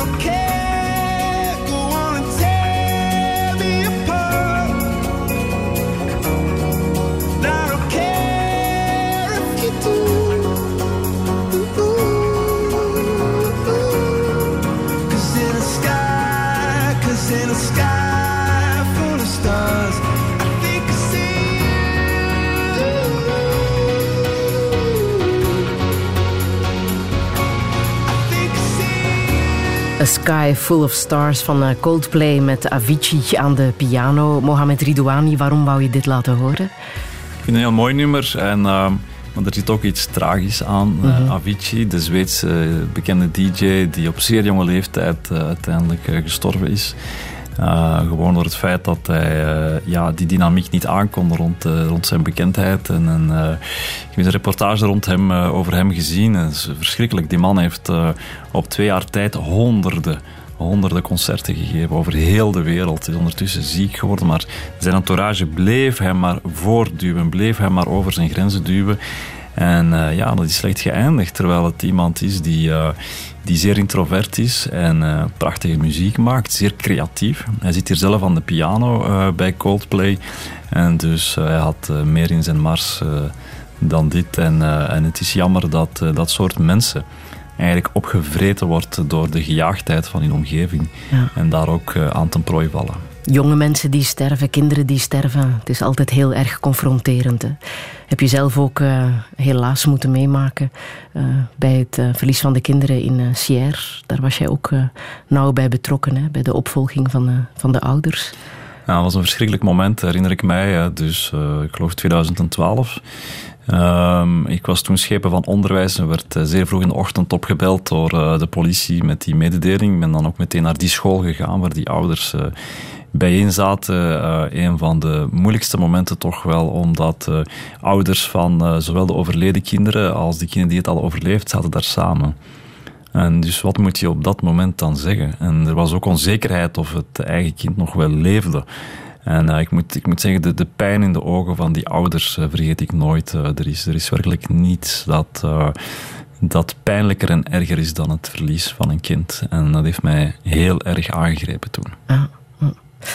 Mohamed Ridouani, jij wordt er eh, dit jaar 40, hè? over een Ja, halfjaartje. Tram 4. Kijk je er naar uit? Ik word eh, altijd een beetje weemoedig. Ja? Eh, ja, op, eh, ja, tijdens verjaardagen. Want dat is dan ook weer zo'n... eh, ja, het einde van, eh, van, een, van iets en het begin van iets nieuws. Zo. Nu is het eh, ja, 40, tram 4. Dat is weer een, eh, weer een nieuw tijdperk. Ik vond eh, de dertiger jaren eh, best wel oké, best boeiend. Ehm gingen mij beter af dan eh, toen ik een twintiger was. Dus je bent matuurder, je hebt bepaalde keuzes al gemaakt. En die breng je dan ten uitvoer. Dus ik kijk uit naar wat, ja, wat het gaat 4 brengen. Wat Tram brengen, 4 ja. allemaal zal brengen. Wat langs zou, je echt nog, wat zou je echt nog willen in het leven?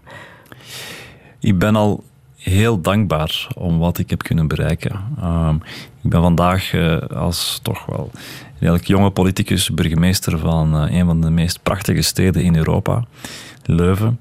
Eh, ik ben getrouwd met een, een prachtige vrouw, intelligente vrouw. Ik heb twee mooie kinderen. Mijn ouders leven nog. Ehm, en ik doe wat ik graag doe. Dus ik hoop dat ik dit vooral nog een tijd kan eh, en mag, mag blijven doen. En je blijft ook zeker burgemeester van Leuven tot 2024. Cumuleren gaat niet hè, bij de SPA. Nee, maar ik heb ook een belofte gedaan aan de kiezers. Dus eh, ik ben verkozen eh, als burgemeester. En ik zal het mandaat gedurende zes jaar ook uitdoen.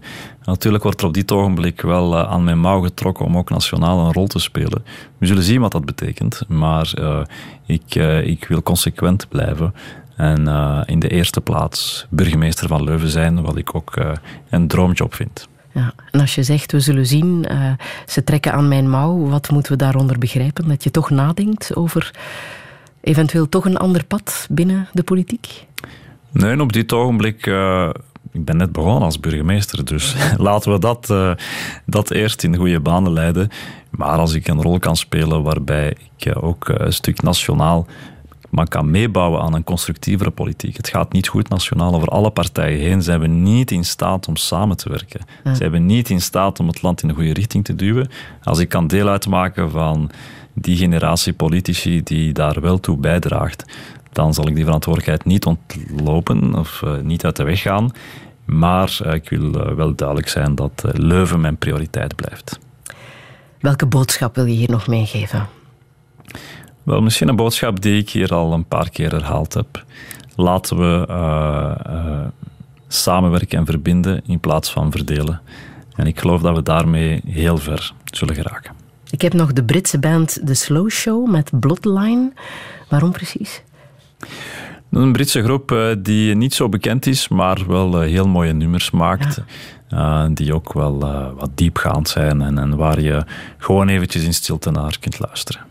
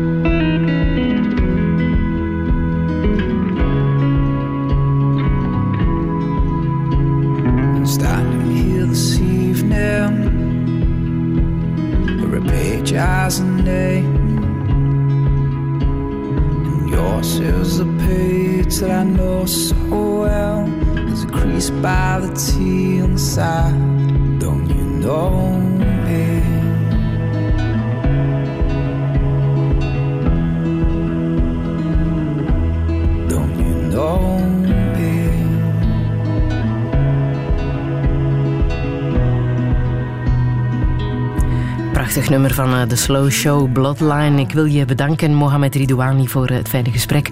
Alle info staat zo meteen na te lezen op radio1.be. Daar kan je ook herbeluisteren of de podcast archiveren, eh, activeren liever.